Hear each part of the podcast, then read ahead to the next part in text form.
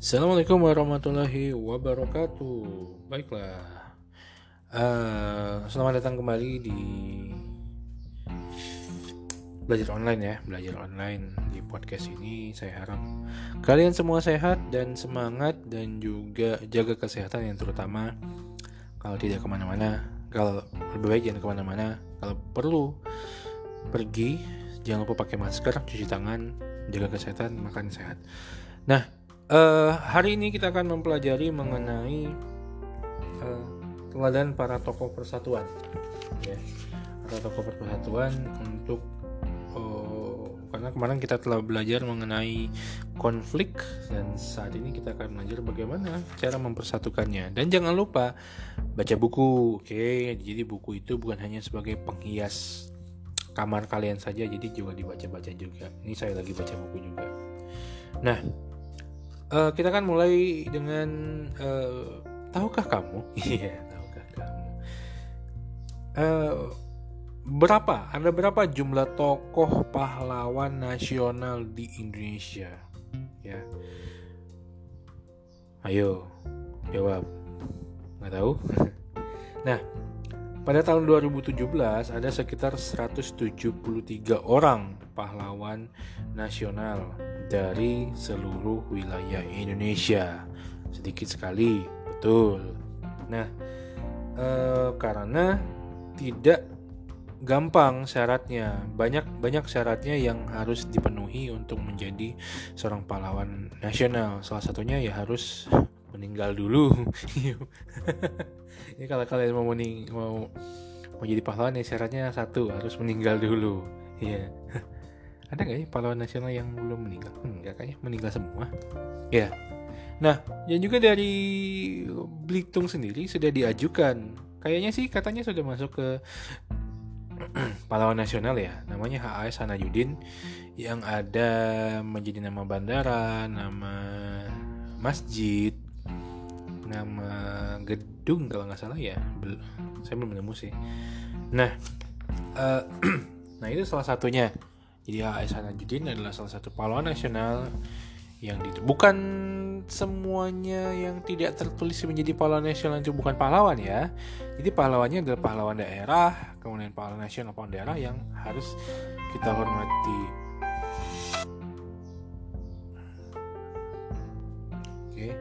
harus kita hormati supaya menjadi teladan kita. Oke. Oke, maaf ya.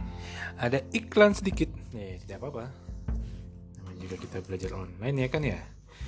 Nah, eh, tadi saya sudah kasih tahu bahwa ada beberapa tipe daerah ya, maksudnya tipe pahlawan ya, maksudnya pahlawan dari daerah yang kita hargai, yang kita pelajari, yang kita hormati di di daerah kita sendiri ya misalnya dari Belitung siapa kalian daerah Manggar kemudian daerah Tanjung Pandan mungkin punya pahlawan-pahlawan masing-masing yang mungkin berkontribusi baik dari untuk ke kemerdekaan sebelum kemerdekaan ataupun pada saat mengisi kemerdekaan.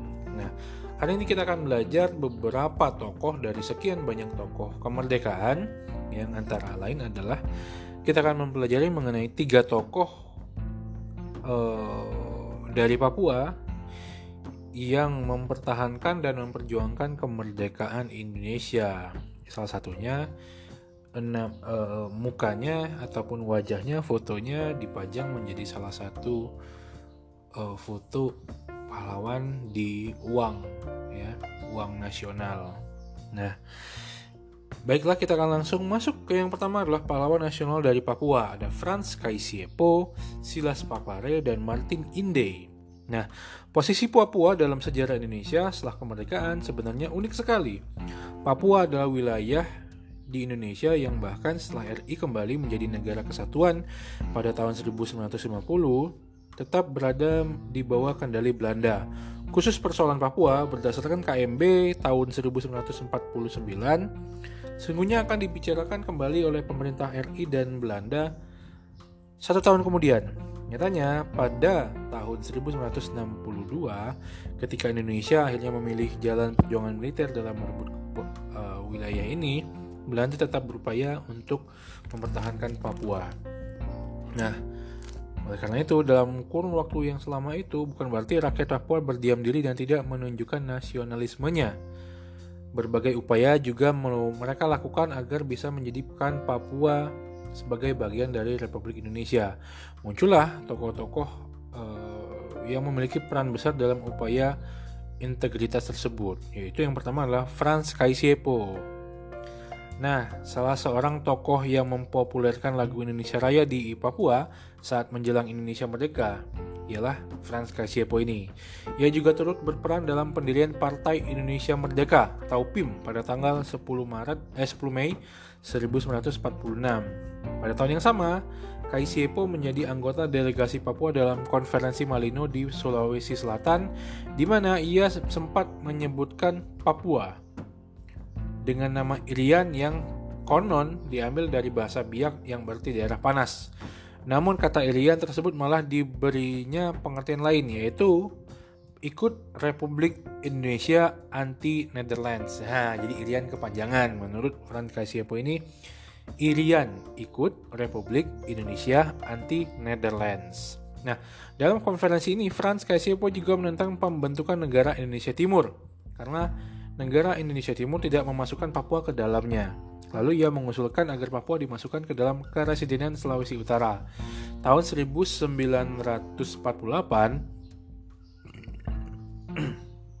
sorry, Franz Kaisiepo ikut berperan dalam merancang pemberontakan rakyat Biak melawan pemerintah kolonial Belanda.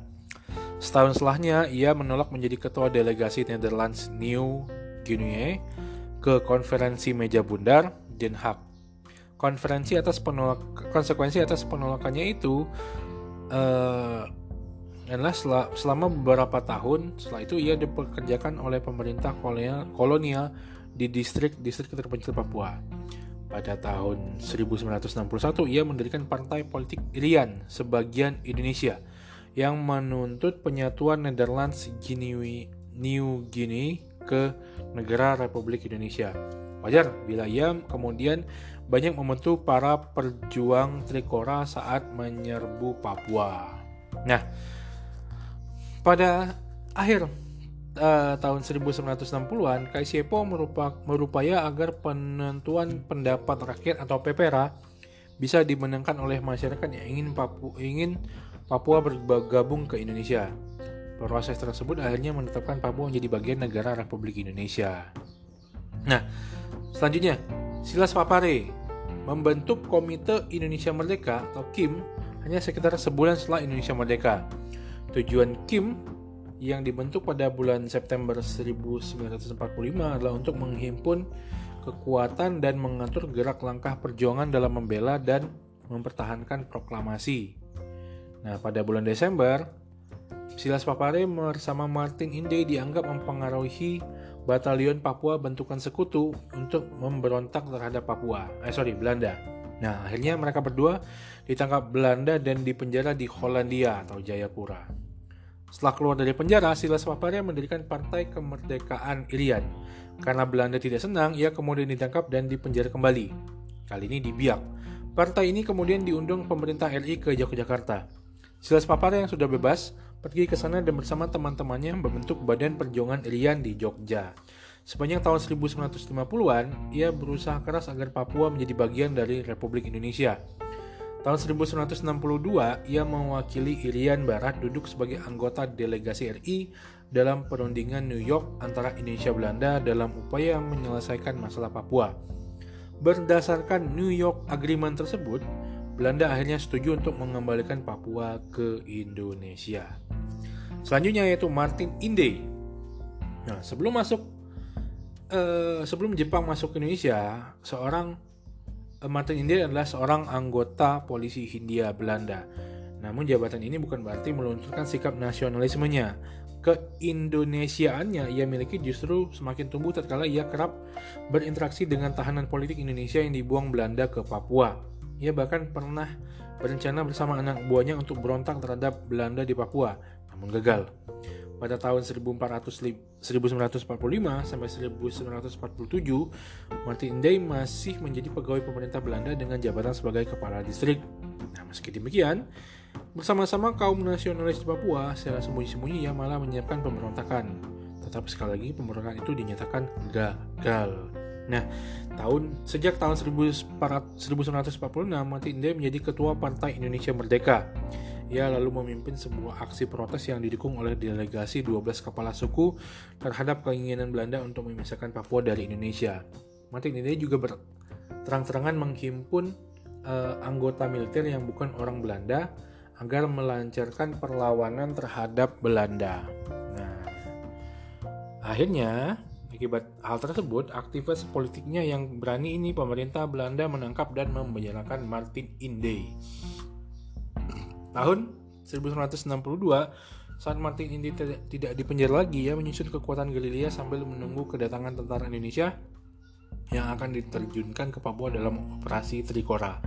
Nah, saat perang usai, ia berangkat ke New York untuk memperjuangkan masuknya Papua ke wilayah Indonesia di PBB di PBB hingga akhirnya Papua atau Irian benar-benar menjadi bagian dari wilayah Republik Indonesia. Nah, seperti yang saya jelaskan tadi bahwa posisi Papua ini menarik sekali di Indonesia ya pada masa perjuangan karena pada tanggal 17 Agustus 1945 Indonesia merdeka sebagian wilayah khususnya Papua ini masih menjadi cengkeraman Belanda. Kenapa? Karena tanah Papua yang sangat berharga sekali, yaitu sumber daya alamnya berupa tambang sangat sangat sangat besar sekali yaitu emas ya jadi eh, menarik sekali. Jadi Belanda membutuhkan Papua. Tidak mau jatuh ke Indonesia karena Papua kaya akan sumber daya alam.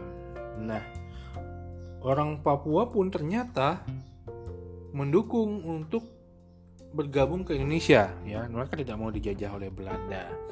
Nah uh, ini yang menjadi menariknya karena ternyata beberapa orang di sana yaitu salah satu yang kita sebutkan tadi ada Martin ada Silas Papare kemudian ada siapa lagi yang pertama Franz Kasiepo mereka berjuang hingga ke New York ke mana-mana supaya Indonesia uh, menjadi ataupun Papua menjadi bagian dari Indonesia. Nah, jadi uh, perjuangannya sangat luar biasa sekali. Nah, kalau kita lihat ini kok hanya bersifat daerah saja, Papua saja. Harusnya kan pahlawan daerah, tidak perlu pahlawan nasional.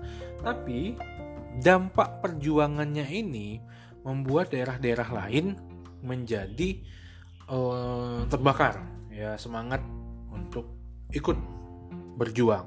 Nah, ini yang menjadi menjadi ininya. Jadi bukan karena pahlawan nasional itu ya semuanya daerah bersifat daerah ya. Tapi semangatnya impactnya ataupun dampaknya menjadi menyeluruh nah itu yang menjadi salah satu kajian uh, tim dari uh, pahlawan nasional ya seleksi pahlawan nasional apakah pahlawan daerah yang punya kita punya masuk atau bisa perjuangannya mempengaruhi atau berdampak luas di wilayah Indonesia Nah, untuk sementara part 1 ya, ini part 1. Jadi kita hanya akan membahas tentang tiga orang pahlawan dari Papua tadi, ya pahlawan nasional dari Papua. Kita akan langsung nanti masuk ke part berikutnya. Ya ada ada Sultan Hamengkubuwono 9, Sultan Syarif Kasim II, kemudian uh, Marz Ismail Marzuki, kemudian ada perempuan pejuang juga Opu Daeng Risaju dan lain sebagainya. Kita akan masuk ke sementara part pertama dulu ya. Oke jadi biarpun belajarnya sedikit yang penting masuk. Oke? Nah Assalamualaikum warahmatullahi wabarakatuh